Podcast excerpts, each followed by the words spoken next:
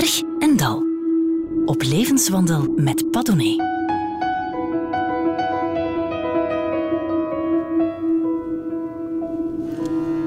Het leven legt in vele gevallen een grillig parcours af. Zo kun je opgroeien in het Hollandse Moordrecht, een gat midden in de Bijbelbelt, en voorlopig eindigen in het broeierige Gent.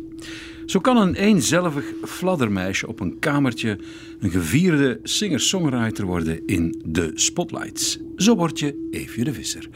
Dag Eefje, zit je op een berg of zit je in een dal? Op een berg. Hoe komt het? Uh, ja, de bloei van mijn leven voor mijn gevoel. Even denken. Een, een klein kindje uh, net gekregen, wat heel erg leuk is. Pablo. En um, ik heb ook een, veel geluk op vlak van mijn muziek en mijn carrière. Dat loopt. Ik heb een heel succesvol paar jaar achter de rug. Uh, dus ja, wat dat betreft, een berg. Inmiddels vier albums. Uh, het werd van ja, schoorvoetend uh, succesvol naar echt succesvol. Volle carrés in uh, Nederland, ook bij ons, uh, Duitsland. ga je dan naast je schoenen lopen of zeg je van ho maar, ho maar? Oh, ik, ik ben wel ontzettend opgevoed met dat je niet naast je schoenen moet lopen. Dat is me echt zo ingepeperd. Nee, ik, ehm, ik denk het niet. Maar ja, misschien soms onder, zonder dat ik het door heb. Maar ik let daar wel op.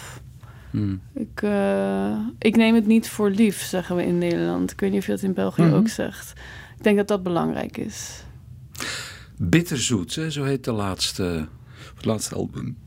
Is dat een beetje uh, waar het om gaat in je leven? Het is een beetje bitter en een beetje zoet. Zeker. Ik, ik denk voor, voor de meeste mensen hun levens wel hoor. Um, ja, en ik moet zeggen, Nachtlicht was mijn plaat daarvoor. Daar zit ook al wel die, dat contrast van donker en licht in. Um, eigenlijk heb ik pas later beseft dat het altijd een thema wel geweest is in mijn muziek, denk ik. Of ja, de bitterzoetheid, de, de, de dubbelheid misschien of zo. Ik wou net zeggen, ik, ik, ik heb ze nu alle vier eens een keer rustig uh, opnieuw beluisterd. Ook de teksten oh. erbij genomen.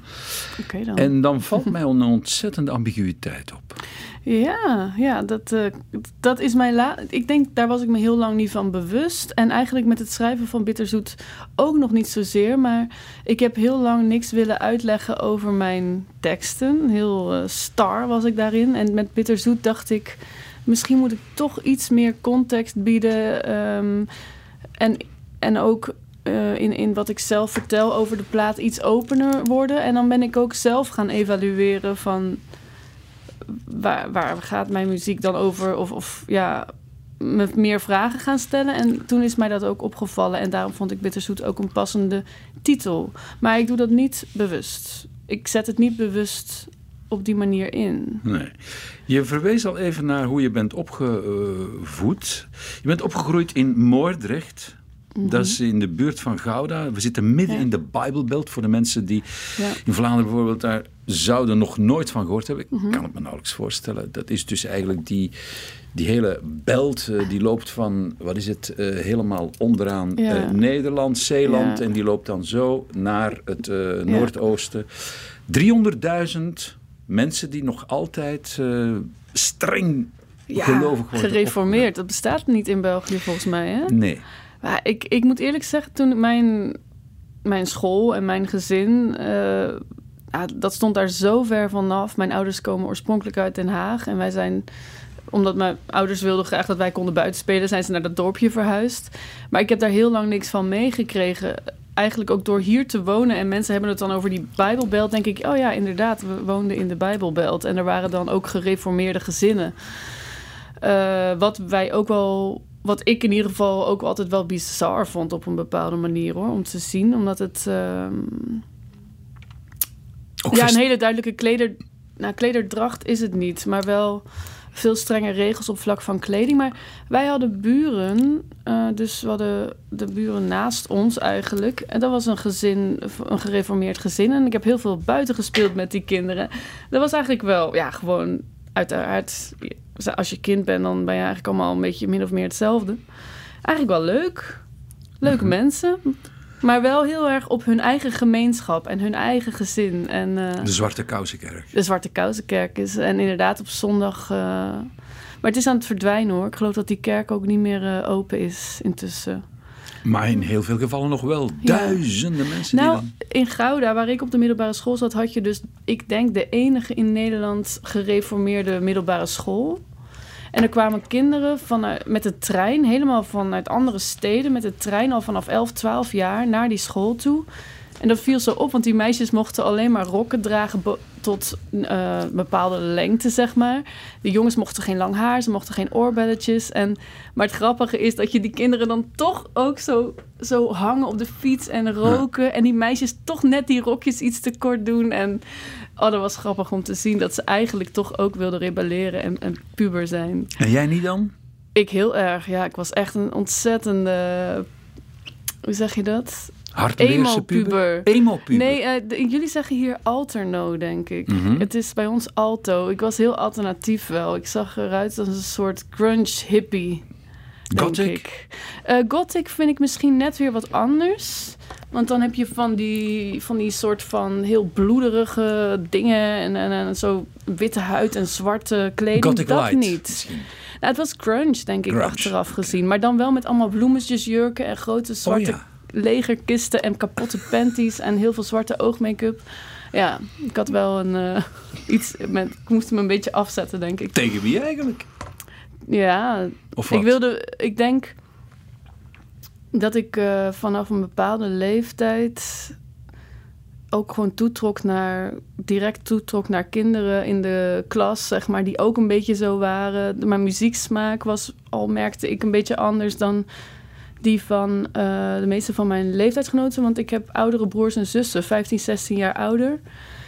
Eh, en die kwamen ook met andere muziek aan. Zo ken ik dan Nirvana of bijvoorbeeld Alanis Morissette. Dat is, toen was ik dan tien of zo, maar dan luisterde er niemand van mijn leeftijdsgenoten naar. Eh, en ik denk dat ik opkeek naar die broers en zussen ook wel. En zo een beetje de net alternatief kantje op wilde. Ouders die muzikaal zijn, ook een eh, oom, denk ik. Een papa eh, Rob, die eh, een ambtenaar is, als ik het goed begrijp, maar toch wel met muziek bezig is. Bas, eh, een koorleider. Ja. Een mama, Paula, die in de zorg zit, maar ook weer op haar manier eh, met muziek bezig is. Kortom, je ontloopt je straf dan niet. Dan moet je echt iets met muziek gaan doen, toch? Nou, dat, ik, ik moest nooit iets. Ze hebben er nooit enige druk op gelegd. Maar ik wilde het gewoon heel graag. Mijn, mijn, ik heb een tweelingbroer bijvoorbeeld en een zusje. En ook oudere broers en zussen nog. Ehm, die van een andere moeder zijn trouwens. Eh, maar die zijn daar niks mee gaan doen. Eh, alleen ik, ik eh, was al gewoon van kleins af aan geïnteresseerd. En mijn vader heeft me dan wel een, een viersporen cassette recorder cadeau gedaan toen ik elf was of twaalf, denk ik. Want ik wilde altijd die recordertjes al. En ik was altijd al eigen liedjes aan het opnemen. Mijn moeder had dan zo'n cassette ding. En dan was ik al direct liedjes zonder giet. Ik kon nog geen instrument bespelen. Maar dan toch al hele melodieën en teksten. En vanaf mijn tiende, elfde jaar al. Dus Demootjes ja, maken. demo's. Ik heb elke dag vanaf, Ja? vanaf 11, 12 jaar op mijn kamer demo's zitten maken. En Dus- waar gingen die teksten of die liedjes dan over? Oh, over? Eenzaamheid? Toen even denken over van alles, denk ik. Maar ik was echt een puber. Dus ik was gewoon een beetje dark. Ik luisterde ook wel naar Tori Amos en zo. En eh, eh, even denken. Ja, over vrienden die ik toen had. Ja, zeker wel vrienden. Ja, van alles. Me een beetje afzetten, denk ik ook van, me, van mijn thuis of zoiets. Ehm, ja, moeilijk te zeggen. Maar het was ook al redelijk ambigu, denk ik, toen. Maar ja, Maar als je zeven bent, dat klopt toch, hè? dan gaan je ouders uit elkaar. ja, ja, ja. ja. Dat moet toch niet evident geweest zijn? Eh, dat is denk ik voor ieder kind heeft dat een grote impact. Maar ik moet wel zeggen, omdat er al scheidingen in mijn klas waren geweest. En ehm, mm, mijn moeder eh, was ook ziek geweest een tijd en, en niet zoveel thuis en zo.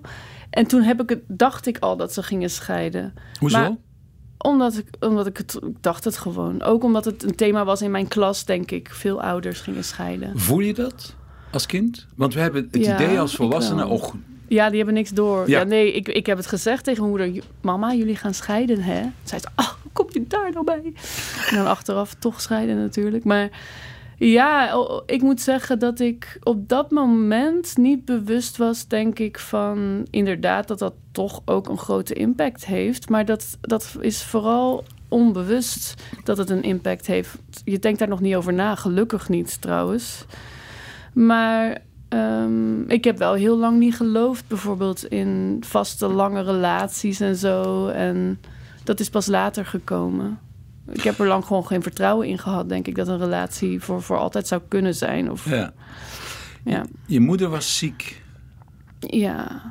Zij heeft een uh, manisch-depressieve stoornis, ja. Die uh, af en aan aanwezig is geweest. En dat is vanuit haar moeder al. Dus haar moeder had dat ook. En de, en de moeder van mijn oma ook.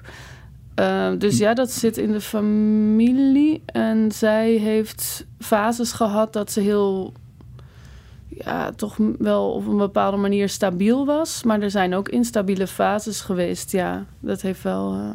Dus een beetje bipolair gestoord? Ja, een bipolaire Heet dat nu toch, hè? Ja, ja, ja, ja. ja.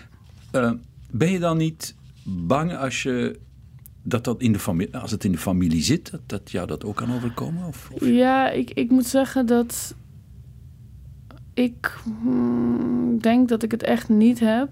En ik heb wel fases gehad dat het dan niet goed ging met me of zo. Um, maar maar echt, die stoornis heb ik niet. Maar zou het kunnen dat jij dat op een of andere manier creatief hebt vertaald? Als Ja. ik het daar straks had over die ambiguïteit, dan, en die bijna in elke song weer terugkomt, vreemd hoor, hoe die daarin sluipt. Ja, dat is een soort van positieve, creatieve manier om met, je, Mhm. Ja. met een soort van bipolariteit, bipolariteit om te gaan. Misschien. Dat denk ik zeker. Want ik denk wel dat het.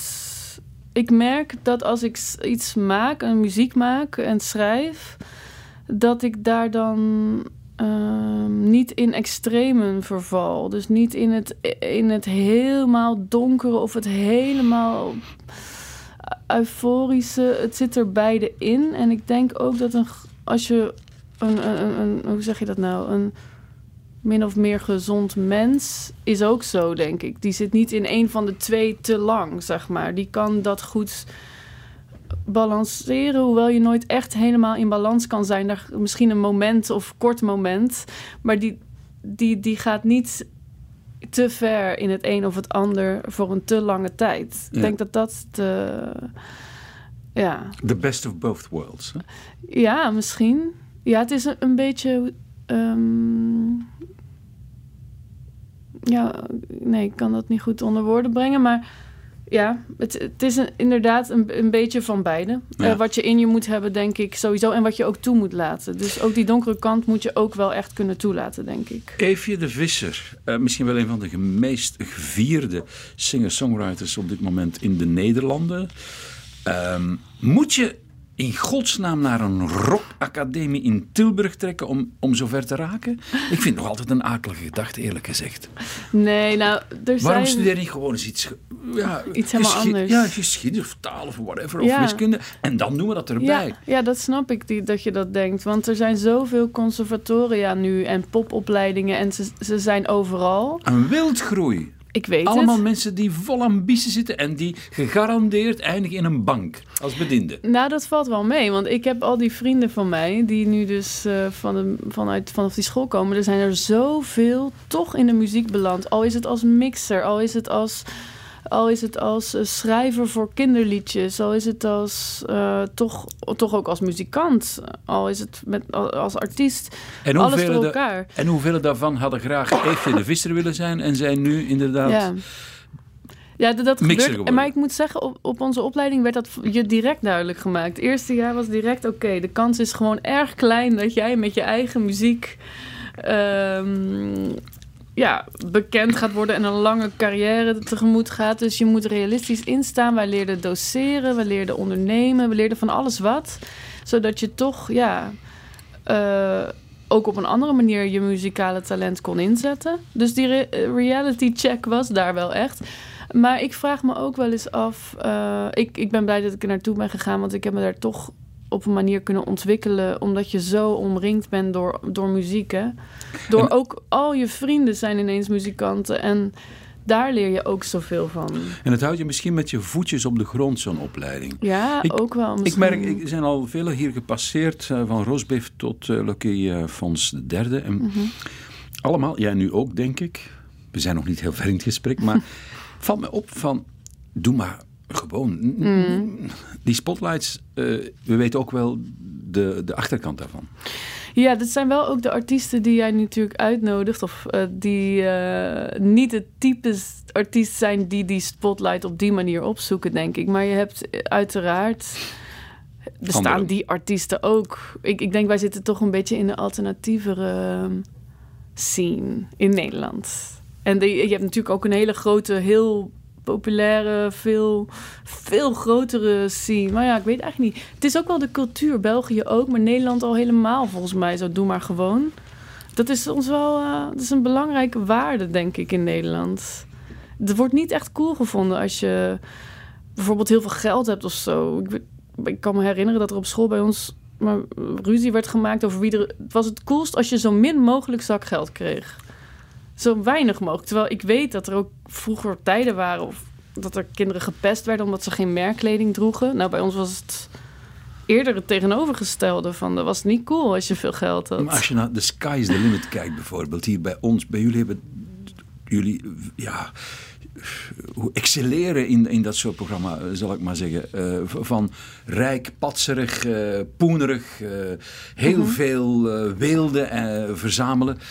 Is dat dan niet typisch Nederlands voor de showbiz? Of zeg je van nee dat, hoor? dat bestaat ook, denk ik. Ik denk dat het zeker eh, er is. Maar als je bijvoorbeeld kijkt naar hoe dat in Amerika gaat, of hoe dat ook wel volgens mij in Engeland gaat, in Londen gaat of zo. Dan, eh, dan zijn wij toch echt allemaal een beetje kneuterige Hollanders uiteindelijk, denk ik. Houden we van, van die kneuterigheid ook of zo? taal zou in dit geval, in jouw geval, kunnen een hindernis zijn om internationaal door te breken. Zou je dan overwegen om in het, je hebt dat gedaan, in het Engels te gaan zingen? Ja, ik heb, ben heel bewust, eh, schrijf ik niet meer in het Engels. Want mijn teksten daarin zijn gewoon niet sterk, vind ik. En ik ben zo beperkt. Ik kan mijn fantasie maar op een zo gelimiteerde manier gebruiken. Nee, ik kan niet genoeg met die taal. En uiteindelijk is taal in mijn muziek toch wel heel belangrijk. Ik zeg altijd dat muziek het belangrijkste is, maar te- de tekst en de taal is eigenlijk ook zo belangrijk. Als Maar- ik dat wegdoe, dan vind ik dat het toch een heel stuk oppervlakkiger is wat ik doe. Maar je zegt altijd, het is maar een opstapje. Mijn teksten, mijn woorden zijn maar een opstapje voor waar het eigenlijk om draait. De muziek. Zie je, dat is weer geen opstapje. Ik is- citeer je ja. letterlijk. Ja, dat zou kunnen dat ik dat een tijd lang gel- geleden gezegd heb of gedacht heb. Maar even denken, ja, hoe zie ik dat nu? Ik zie het niet als een opstapje, maar ehm, ik merk wel... De, kijk, de muziek bestaat bij mij altijd als eerste. Mhm. Eh, met een brabbeltekst, zeg maar. Bijna altijd heb ik eerst een Engelstalige brabbeltekst. En de melodie en de eh, muziek moet helemaal staan als een huis. Ook als die tekst nog niks waard is, bij wijze van Is het dan spreken. echt zo van, eh, uit, je loopt je levensjaar? Nee, het is wel Engels hoor. Ik, Ah, ja. ik zing wel echt woorden, maar er zijn zinnen die niet bestaan. Er zijn ook zinnen die wel bestaan. In het Engels. Ja, ja zeker. Zeker. Merkwaardig, hè? Eh, En dan wordt dat Nederlands. En omdat ik denk ik zoveel Engelstalige muziek geluisterd heb, ik ben daarmee opgegroeid, ik ben daardoor geïnspireerd. Eh, Ja. Dus dat, is, dat ligt mij lekker. En in het Nederlands onzin, eh, zeg maar, improviseren en, en, en bra- brabbelen, dat is veel lelijker. Ja. en dan, dan zit je met gekromde tenen eigenlijk te, te componeren. En dat, dat kan ik niet. Dus dan doe ik dat in het Engels. Lieve gestrekte tenen. Maar goed, en dan wou ik nog zeggen, ik ga met, met de Nederlandse taal komt er dan daarna dus in. Maar ik merk wel dat ik daar zo hard aan werk voor dat, en zo lang aan werk voordat dat eenmaal goed is. Dat die tekst eigenlijk wel zo belangrijk is. Want als het niet belangrijk zou zijn, dan zou ik veel sneller klaar zijn. Dat denk ik ook. Je hebt een tekst meegebracht in het Engels. Let July be July. Mhm. Je zegt, ik heb geen idee van wie die is. Nee, Eh, ik zal het je zeggen, hij is van Morgan Harper Nichols. Weet Ja. je wie dat is? nee. En dat is toch wel volgens mij geen toeval, hè? Dat is een Amerikaanse christelijke muzikant, Eefje de Visser. Oh lord. Dat kan toch geen toeval zijn? Je bent erin opgegroeid. Ja, je- maar ik ben er eigenlijk ook helemaal niet in opgegroeid. Ik ben op, eerder opgegroeid rond uh, Jehovah-getuigen en moslims. Want die zaten allemaal bij ons op school. Jehovah-getuigen. En moslims. En atheïsten. Die zaten allemaal bij ons op school. En al die christenen zaten op andere scholen. Dus daar was ik niet mee, ja, ging ik niet mee Je om hebt het wel bij. gehad. Ja, ik heb, ik heb van alles meegemaakt al. Oké, we gaan eens luisteren naar die Let July Be July. Eefje de Visser leest hem. Let July be July, let August be August, and let yourself just be, even in the uncertainty. You don't have to fix everything, you don't have to solve everything, and you can still find peace and grow in the wild of changing things. Vooral die laatste is heel mooi, hè? Ja, Eh, prachtig. Echt je kan nog steeds vrede vinden en groeien in het wild van veranderende dingen. Ja, ja ik, ik vind het zo sterk. Ik weet ook, ik heb dat ergens denk ik echt op social media of op Facebook een keer gezien en opgeslagen. En eh, het spreekt me enorm aan omdat het de druk zo van de ketel haalt. Het is zo, ik denk dat we zo veel eisend zijn in deze maatschappij. En we willen, we willen zo en zoveel. En dit is zo losjes, zo, het hoeft allemaal niet zo ja, te kloppen en zo. Weet je wel? Eh, ik weet niet, het, het geeft veel zuurstof, vind ik, deze, dit Ja. kleine stukje tekst. Laat de seizoenen maar de seizoenen. Ja, de- daar geloof ik ook wel in. ik was laatst nog toevallig bij een soort acupunctuurdokter voor eh, mijn stem, omdat ik soms last heb van kortademigheid. En hij heeft ook eh, Oosterse Chineeskunde gestudeerd. En hij zei: dat is niet gezond, hè, om alleen maar in het positieve te zitten. Je gevoelsleven moet zijn als de seizoenen. En ik vond het, dacht ook echt, het is weer zo mooi. Het is eigenlijk een beetje hetzelfde wat er gezegd wordt. Padam Padam van Edith Piaf. Je kent Edith Piaf? Ja, uiteraard. ik niet goed, maar ik ken haar, ja. Die Padam Padam, dat is een, eh, een wals. Tergend aanstekelijk vind ik hem. Oké, laat maar komen.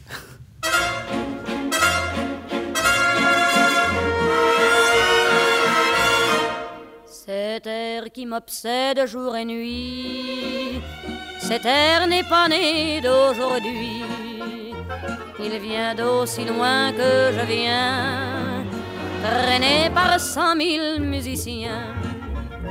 Un jour cet air me rendra folle, cent fois j'ai voulu dire pourquoi, mais il m'a coupé la parole. Il parle toujours avant moi et sa voix couvre ma voix. Padam, padam, padam, il arrive en courant derrière moi. Padam, padam, padam, il me fait le coup du souviens-toi. Padam, padam, padam, c'est un air qui me montre du doigt et je traîne après moi comme une drôle d'erreur cet air qui sait tout par cœur. Il dit rappelle-toi tes amours, rappelle-toi puisque c'est ton tour. Y a pas de raison pour que tu ne pleures pas avec tes souvenirs sur les bras. Et moi, je revois ce qui reste. Mes vingt ans font battre tambour. Je vois s'entrebattre des gestes. Toute la comédie des amours sur cette air qui va toujours. Padam, padam, padam. Des je t'aime de 14 juillet. Padam, padam, padam, des toujours qu'on achète au rabais. Padam, padam, padam, des veux-tu en voilà par un paquet. Et tout ça pour tomber juste au coin de la rue, sur l'air qui m'a reconnu.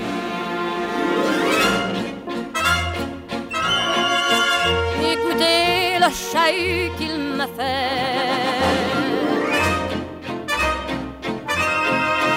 comme si tout mon passé défilait.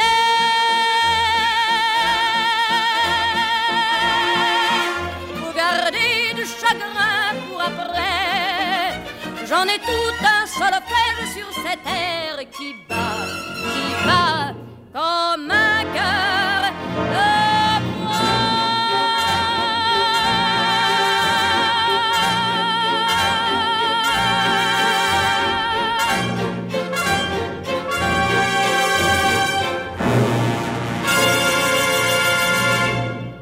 Padam, uh, Edith Piaf. Wat een wals. Bij mij zit Eefje de Visser. Heb je je kunnen bedwingen, Eefje? Ik heb uh, me kunnen bedwingen. Ik vind het heerlijk. Ja. Eefje, um, ja, singer-songwriter, dat is niet alleen maar een meisje met een gitaar uh, of een piano uh, alleen op een podium. Daar zitten ook natuurlijk, en gaandeweg ook veel meer muzikanten. Maar achter de schermen is het net zo belangrijk, denk ik. Nu bevalt mij op, maar mij niet alleen, dat jij graag werkt met mensen ja, op wie je dan verliefd wordt. Het is eerder andersom. Ik word verliefd op iemand en dan ben ik daarmee gaan werken. Zo gaat dat. Zo gaat dat, zeker. Dus Marcel Tegelaar, alias Skiggy Raps, dat is iemand, volgens mij de eerste producer waar je mee samenwerkte, was jouw vriend ook? Ja, Skid G-Raps is trouwens, maar dat, oh, dat uh, Iedereen zegt het verkeerd. Uh, zeker, dat, maar ik was al een jaar of hmm, drieënhalf, vier jaar lang met hem samen... voordat we dus echt die plaat gingen samen maken. Ja. Ja. Dus je... En dan? je bent verliefd. Uh, en denk je dan, wij moeten samen iets doen? Of hoe wordt... Nou, ik, ik heb... ik, met hem. Hij had altijd een studio thuis. Dus ik heb heel veel, hij heeft heel veel voor mij opgenomen. Ik heb daar ook heel veel geleerd. Uh, in de studio te werken met hem. Uh, en toch, toen ik mijn eerste plaat ging maken, wilde ik toch denk, uh, nadenken van hoe ga ik dat doen? Met welke producer ga ik dan werken? Want ik wilde ook niet dat het vanzelfsprekend was dat ik met hem ging werken. Maar ik heb uiteindelijk toch voor, voor hem gekozen wel. En daar heb ik geen spijt van gehad. Hij heeft ook nog aan de tweede en derde plaat heeft hij ook nog meegewerkt. Eigenlijk de laatste plaat ook nog. We zijn nog goed bevriend. Mm heeft hij ook nog een bijdrage gedaan. En ik vind het wel heel fijn om mensen te werken met wie ik super vertrouwd ben. En zonder tijdsdruk en... Uh, waar ik alles tegen durf te zeggen, met wie wat dat er ook een beetje frictie mag zijn, dat is toch moeilijker hoor, met iemand die zo ver van je afstaat als, als een producer die. Uh... Maar het omgekeerde kan ik me net zozeer voorstellen dat je zo zeer op elkaars huid zit dat, dat je eigenlijk te weinig afstand kunt nemen van elkaar. Nou, dat is ook wel soms zo. Ik denk in de fase dat Pieter Jan en ik bijvoorbeeld... Uh, Pieter Jan, dat is dus ja, mijn huidige man eigenlijk, Man, getrouwd zijn we. Vader ook van je kind. Klopt. En sound engineer? Ja, hij doet live ook alle, alle geluid. En we hebben toen destijds de productie inderdaad voor Bitterzoet ook samen gedaan. En ja, dat, dat was wel soms pittig. Daar hebben we ook wel van geleerd, denk ik. Maar het scheelt gewoon enorm dat hij heeft... Uh, Pittig is volgens mij een eufemisme voor uh, kletterde af en toe. Het kletterde af en toe. Ja, in het begin wel. In het begin wel. Ik denk nu niet meer. Uh, we zijn echt goed op elkaar ingespeeld. Maar in het begin wisten we ook nog niet zo goed hoe we dat aan moesten pakken. Ik was ook gewend om toch ook heel veel in de hand te hebben en houden. En hij is ook iemand met een enorm sterke wil en ik ook. En dan had je soms een beetje twee kapiteins op één schip. En er was, nou wat ik zeg, er is veel frictie dus geweest. Maar ik denk dat het goed is geweest eigenlijk, omdat we hebben zo, die plaat heeft uh, zoveel fases moeten doorstaan. En we, hebben, we hebben ook wel, ik denk twee jaar lang eraan gewerkt, wat veel langer is, denk ik wel, dan gemiddeld aan de productie alleen, hè? Maar, dus niet de songs. Dus ja, dat is veel werk geweest. We spreken alle bij, jij en ik, en al die volkstammen die erachter zitten, eh, dezelfde talen toch ook weer niet. Hè? Vlamingen en Nederlanders. Mhm. Ik kan me inbeelden dat dat bij het werken met een uh, man die ook jouw sound engineer is en die een Vlaming is, ook voor verrassingen kan uh, zorgen. Ja, ja, ik vind het wel interessant om hier nu te wonen en te horen ook de Belgische manier van met muziek bezig zijn is toch ook weer een beetje anders, vind ik, dan in, in Nederland. Of in ieder geval de vriendengroep waar ik destijds in zat. En, en hoe ik dan nu nieuwe muzikanten heb leren kennen.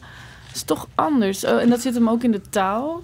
Inderdaad, het zit hem ook in hoe er gepraat wordt over muziek. Is het niet zo dat een Nederlander, dat is mijn ervaring van, van met Nederlanders werken, veel minder pro- eh, poëtisch zijn in, Ja, in de manier waarop ze de Absoluut. dingen willen. Goed gezegd eigenlijk. Want ik weet nog, Pieter Jan die zegt dan bijvoorbeeld van... Ja, en dan hier een soort van... Ja, bijvoorbeeld, je moet spelen alsof er een, allemaal vogels uit het bos opvliegen. Zegt hij dan. Maar dat, dat is iets wat ik in Nederland niet snel iemand zou horen zeggen. Het is, Maar ik kan daar wel iets bij voorstellen. Ja, en er zit veel fantasie in. En, eh, het is inderdaad poëtisch en een beetje gevoelsmatiger. Ik denk, het is moeilijk, want je gaat natuurlijk snel generaliseren. Maar goed, we zijn er toch al aan begonnen. Maar ik denk wel dat in België eh, er iets, eh, Belgen iets dichter bij hun gevoel en intuïtie staan. Ik denk dat er iets een zachtere, misschien bijna vrouwelijkere invloed eh, is in België op een bepaalde manier. Dat denk ik soms. Ik zie dat terug in de muziek ook. Het is eigenlijk een soort van verfijnder. De Bourgondische levensstijl zegt daar ook iets over. Hè? Dat het echt zo en iets wat echt lekker smaakt. Echt daar je best voor doen en zo. Nee, nee, iets wat lekker smaakt noemen wij succulent. Oké, dat, dat, dat wist ik niet. Dat Nee, nee, nu. Maar ik denk wel, in Nederland zijn we toch een klein beetje ehm, pragmatischer en, en zakelijker.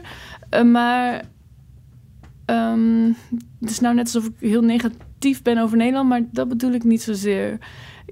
Ik vind Nederland ook op een andere manier weer heel mooi. Het Nederland is heel open en de mensen... eh, Ik bedoel, als ik in Nederland binnenkom... dan heb je zo makkelijk een praatje met iedereen. is zo spontaan en eh, levendig. En, en ik merk wel dat hier de mensen je- ook wel erg je naar binnen gekeerd Je zijn bent soms. eh, naar hier gekomen met de trein. ja. Als je dat eh, in Nederland zou doen, dan, dan heb je minstens al vier mensen eh, die- aangesproken en eh heb je je halve leven verteld.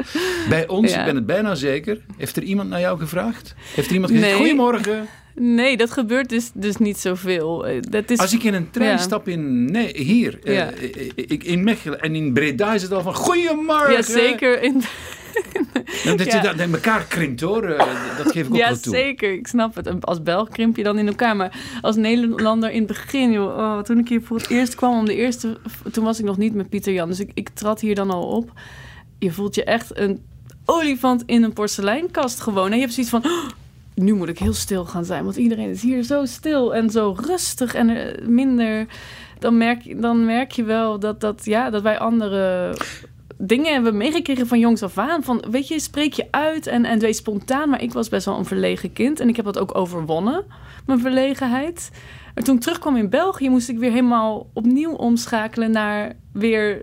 Nou ja, dat moest natuurlijk niet. Maar anders voelde ik me er een beetje te veel bovenuit steken. Een iedereen. lift, een lift in Vlaanderen. Hè? Als je van de eerste naar de elfde verdieping moet. Hier zijn elf etages. Ja, Dan is dat een hele stille tocht. Geloof me. ik weet het. Doe dat eens in Nederland. Kletsen, Dan word je kletsen, kletsen. Ja, ik weet het. Dat is dus ook wel interessant, want ik heb een band met eh, voor de helft Nederlanders, voor de helft Belgen. Dat is interessant. Het is heel leuk, grappig, grappig, grappig. Maar dan moet ik wel zeggen dat je hebt dan bijvoorbeeld, ik heb twee zangeressen eh, die ook eh, dansen in mijn band. En zij zijn echt van die een beetje kakelende kippen, zeg maar. Maar zo heel gezellig, maar ook zo gezellig en vrolijk. En altijd ja, heel open over wat ze voelen. En als het niet goed gaat, zeggen ze het gewoon, het gaat niet goed. En als het wel goed gaat, zeggen ze het ook, het gaat zo goed. En dan merk je dat die uitgesprokenheid en die kleurrijkheid in, in dat gevoelsleven. En dan bij de Belgen is dat zo, ça va. Ja, ça va, ça va. Hoe is het En dat, dat, dat, dat is dan... Maar dan heb ik dus ook een toetseniste die Nederlands is. Die zegt dan ook weer geen woord. Hè. Die is dan zo rustig. De introvertheid zelf. En ik heb een Belgische lichtman bijvoorbeeld. Als hij dit hoort, moet hij lachen, denk ik. Maar die, die kletst dan weer de oren van je kop. Dus het is, het is natuurlijk allemaal niet zo zwart-wit. Maar eh, wel grappig om toch het contrast te zien. Tuurlijk, ja. we moeten oppassen dat we niet gaan generaliseren. Ja. Eefje de Visser, je hebt een songtekst meegebracht ehm, van Joanna Newsom, Good Intentions Paving Company. Dat is Ja. een nummer uit 2010. ja, is alweer oud, ja. Ja, is dat Toch? oud? Is dat Twaalf oud? jaar geleden alweer. Kan Vind je dat oud? Ik vind dat oud. Wat vind je dan van het Pleistocene? Dat weet ik niet. Wat is dat? Pleistocene, dat is een paar miljoen jaar geleden. Dat vind ik pas echt heel erg oud. Nee, ik, ik ben een heel groot fan van haar wel. En ik moet zeggen, het is voor mij niet altijd makkelijk om zo... Ik ben met tekst bezig, in muziek met name. Maar eigenlijk los uit, uit zijn context vind ik dat ook dan weer eh, vaak moeilijk. Omdat songteksten voor mijn gevoel vaak ook echt songteksten zijn. En niet weg mogen worden gehaald bij de muziek. Omdat de muziek zelf ook betekenis toevoegt, denk ik. Ik vind dat heel, eh, hoe moet ik het zeggen, accuraat van je en ook eh, oprecht dat je dat zegt. Oh. Volgens mij overleven heel veel songteksten niet zonder de muziek. Dat denk ik. En ik weet ook niet of het erg is, omdat ik vind, ook als je de tekst weglaat, eh, zegt muziek al zoveel, hè? Noem, noem, eh, noem maar wat voor fado-zangeres je ook maar niet kan verstaan. Maar, en ook heel veel Italiaanse muziek die wij kennen. Hoe erg je dat voelt en hoe je toch weet waar het over gaat. Iets Ja. heel universeels wat iedereen meemaakt en je voelt het gewoon. En die tekst hoeft niet verstaanbaar te zijn, hoeft niet begrijpelijk te zijn. Klopt. Ik trek enorm toe naar dat soort muziek. Ook, ik ben een heel groot fan van Bon Iver bijvoorbeeld. En ik versta, het is een Engelstalig artiest, maar ik versta daar over het algemeen helemaal niks van wat hij zingt. En Ah. maakt me niet uit, het komt zo veel harder binnen dan wat voor tekst Ja. mij ooit heeft kunnen boeien, zeg maar. Ja. En daarom vind ik het ook moeilijk, maar toch zijn er ook altijd losse zinnen in de muziek die dan toch ook zo aangrijpen voor mij. Wij gaan eens luisteren naar eh, zo één eh, strofe van Joanna Newsom. Het is trouwens een soort van psychedelische volkszangeres, mag je dat zo zeggen? Ja, ze is erg psychedelisch en ook erg middeleeuws in haar klankpalet. En dat klinkt zo als Eefje de Visser haar eh, ja, citeert. And there is hesitation, and it always remains, concerning you, me, and the rest of the gang. And in our quiet hour, I feel I see everything and am in love with the hook upon which everyone hangs. Joanna Newsom. Ja, Waarom val je daarvoor? nou, ik merk dat ik eh, iets herken in het stuk over hesitation, eh, dus aarzeling. Ja, ja. En het zal altijd blijven, zingt ze. Oh, het gaat over jou, het gaat over mij en, en de, de rest van de groep. Maar in het stille uur, ja, zie ik, kan ik het overzien voor mijn gevoel, zegt ze dat, hè? Ik interpreteer het ook maar.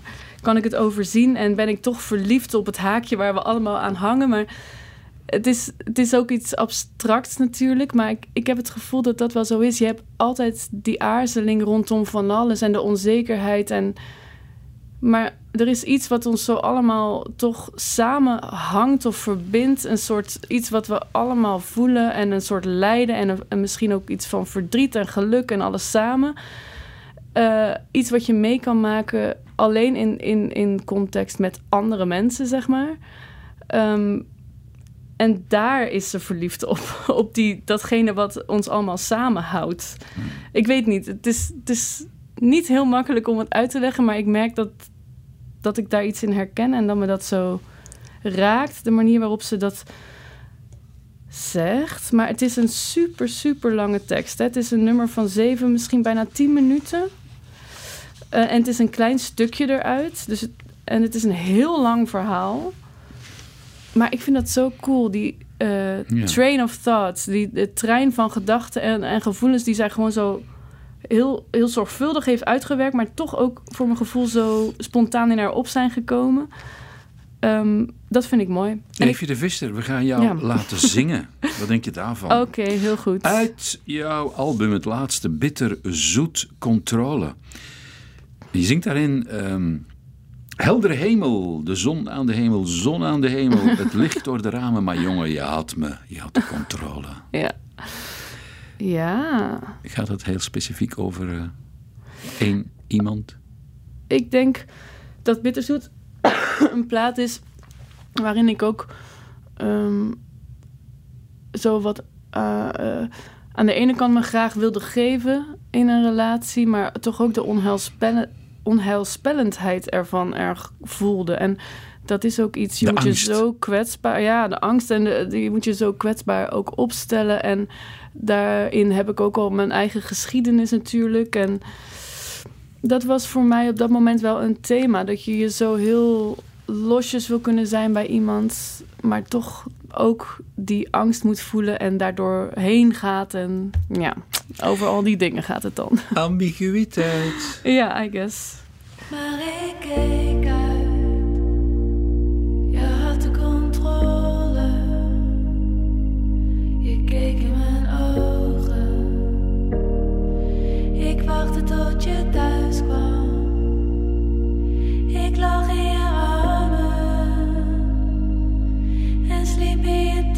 t-shirt. En keek door de slaapkamer.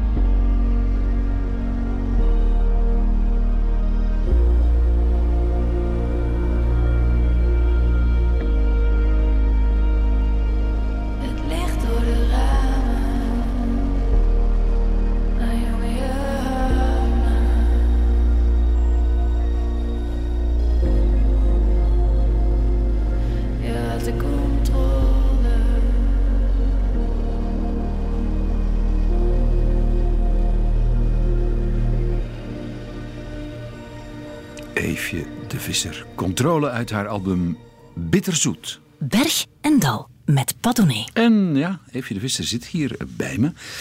Eefje, het is al een tijdje geleden dat je nog naar je eigen album of deze single had eh, geluisterd. Hoe, hoe, hoe klinkt dat nu voor jou?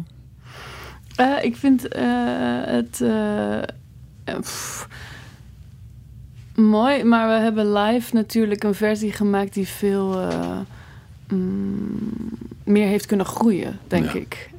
Dus dan klinkt dit, zo? dat Ja. is eigenlijk altijd zo Ja, ja, ja. natuurlijk. Dat, kan ook niet anders. te leven en ja, ja, Ja, ik vind dat ook niet erg. Je hebt dan de plaat is zo het begin, het Ja. eerste ontwerp eigenlijk. En Ja. live kan je dan nog er zo mee door. Ja. Eh, dus nee, ik vind het mooi, maar ik vind het voorzichtig klinken. Dat is het vooral. Oeh ja, voorzichtig. Ja. Ja, dat is gek hè? Ja. Ja. De- Ja, zeker. Maar live moet ik ook wel eerlijk zeggen... het is echt helemaal losgetrokken uit, uit, uit dat... Ja. Live kan er van alles gebeuren. Zo bijvoorbeeld eh, een man waar je al een tijdje dan mee samenwerkt. eh, producer, eh sound engineer. Die jou dan ten huwelijk vraagt. Op de, wat is het?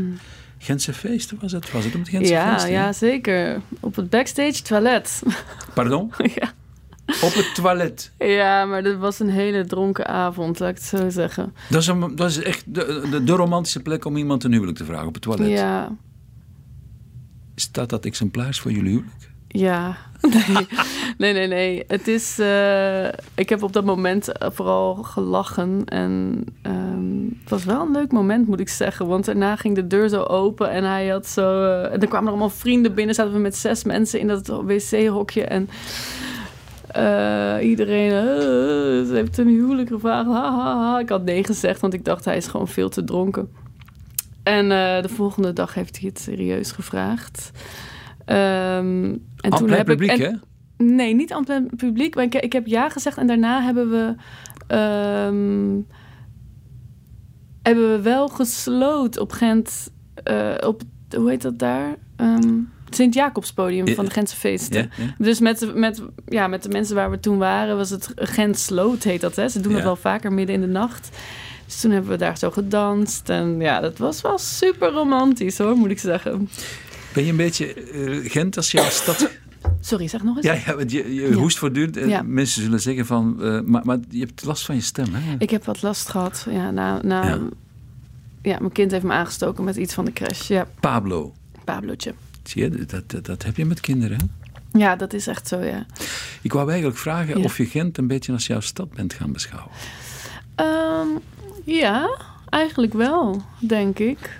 Ik, ehm, ja, ik weet nooit. Ik moet zeggen, ik ben heel vaak verhuisd geweest. Ik heb op veel verschillende plekken gewoond. En voor mij was het daarom ook makkelijker om naar Gent te komen. En eh, Pieter Jan zou niet makkelijk weg kunnen daar, want hij is daar opgegroeid. Al zijn vrienden wonen daar en die wonen daar ook al hun hele leven. En ik heb veel steden waar ik een band mee heb, moet ik zeggen. Door al die verhuizingen ook. En, ja. En je hebt geen heimwee naar dat ene dorp, dat gat in de Bible Oh, Belt. naar dat gat heb ik echt geen heimwee. Mijn moeder woont daar ook niet meer. Die woont nu in Gouda. En ik heb soms nog wel een beetje heimwee naar Nederland. In het begin vooral. Maar steeds minder. Nu is het voor mij echt thuiskomen. Als ik in Gent kom, is dat wel echt thuiskomen. Maar ik heb de laatste tijd ben ik ook weer wat vaker met de trein dan naar Nederland gegaan. En ook nu Pablo wat ouder is, kan ik ook wat makkelijker weg. En oh, dat vind ik dan ook echt heerlijk om daar naartoe te gaan. En dan merk ik dat ik daar, ja, dat ik daar nooit afstand van zou kunnen nemen, denk ik. We hebben Ja. het nog niet over verdriet gehad, eh Eefje. Ja, mijn lievelingsthema. Nee, een grapje. ja, maar toch een grapje dat eh, iets ont... meer is dan een Het grapje. komt vaak voorbij. Ja. mijn muziek, daar zit, daar zit Ja. veel... eh, en daar krijg ik veel vragen vaak ook over. Ja, Ja, klopt. hoe komt dat? Omdat ik het een. Omdat ik denk ik een heel verdrietig kantje heb. En ook wel omdat ik. eh, nou, denk ik daarom ook misschien wel muziek maak. Om die emotie een plek te geven voor een groot deel. Dus dat zit er, zit er automatisch in. Ehm, ja, zo gaat Dirk het. de Wachter, psychiater, die je kent, die, eh, die zegt verdriet als een ding met stekels. Verdriet en zeker eh, verse rouw, dat steekt in je vel, pijnlijk, bloederig. Maar zo'n soort verdriet is ook wel een bewijs van grote liefde. Ja, Dat is weer de twee. ja, ja. Ken je dat? Ja, Dat ik denk verdriet? dat dat zo is. Ik denk dat dat zo is. Het is toch altijd het- het verlies, denk ik, van, van iemand om wie je geeft, of verlies van een liefde die voorbij is, op wat voor manier dan ook. Hè. Ja, dat, zijn, dat is iets ook wat iedereen, denk ik, meemaakt. Mm, ja, en goh, ja. Wat is het grootste verdriet dat jou al is overkomen? Dat is te persoonlijk om te vertellen hoor. Ja, ik heb op verschillende, op verschillende manieren veel verdriet gehad. Maar ik moet ook wel zeggen, mijn teksten zijn niet altijd, denk ik, zo klaar en duidelijk eh, voor de buitenwereld. Maar dat is ook wel, denk ik, omdat ik het heel persoonlijk vind. Het is voor een deel een, een eh, keuze, bijna een soort. mm, ja, het is een keuze om, om vanuit ja, dat ik het mooier vind. Dus een esthetische keuze of een stilistische keuze of zo. Maar toch ook wel dat ik niet eh, mijn privéleven Begrijp ik. kan en wil Begrijp ik. Maar ik denk wel... uitleggen. Dat begrijp ik heel goed en daar Ja. heb ik het volste respect voor. Maar ik denk wel dat je een verschil kunt maken tussen ehm, verdriet voor een, over een verlies. Ja, Een, een onontkoombaar verlies, namelijk een verlies dat nooit meer valt goed te maken. ja, Dood bijvoorbeeld. Of Ja. een verlies dat ja, er komt omwille van een, een relatiebreuk. ja, zeker, zeker. Maar mm, ja, nou, dat, ik heb natuurlijk ook wel relatiebreuken gehad waar ik heel veel ver- Hmm. eh, verdriet van heb gehad, inderdaad. Maar goed, ik denk de dingen waar of de onderwerpen waar mijn muziek het meest over gaat, dat zijn, dat zijn toch vaak mensen in mijn omgeving heel dichtbij, heel intiem eigenlijk zijn die verhalen. En dat is een verhaal van mij, maar ook van iemand anders. En ja, ik, ik, vind, ik, weet het, ik ga dat heel vaag houden. Maar ja, dat gaat zo over mensen waarvan ik zie dat het, ja, het leven aan ze voorbij gaat. Bijvoorbeeld mensen die zich isoleren. eh, mensen die. mm, ja. Nou, het is gewoon een beetje te persoonlijk, denk ik, om precies te zeggen waar, mijn waar, waar dat allemaal over gaat. Mijn, je mijn, ziet mijn mensen dan- verdriet en mijn leven. En Ja, maar je ziet dan mensen eigenlijk die hun leven niet vastpakken en die, ja, die het door hun vingers laten glijden. En, ja, dat. Ik denk en dat ik dat veel gezien heb. aan, ja? Ja, dat zie ik wel in mijn omgeving. Of dat is in ieder geval iets wat mij blijkbaar opvalt en waar ik dan toch ook over wil schrijven. En inderdaad, dat wat jij zegt, dat komaan gevoel, Ja, ja. gevoel ook. Omdat ik denk dat ik altijd wel een bepaald soort ehm, vechtlust of zo, of levenslust heb gehad. Bepaalde fases ook niet, maar toch heb ik het altijd weer kunnen heroproepen. En ja, dat is ook waarom. Mm, want uiteindelijk denk ik, hoort het erbij, dat verdriet. En, en soms overspoelt het je en, kan je niet verder met je leven. Maar toch is het een golf die, die uiteindelijk weer weg hebt. En, en daarna kan je ook daar met dat verdriet samen ook verder in je leven. En is het er een heel stuk rijker op geworden. Ik denk dat dat het is.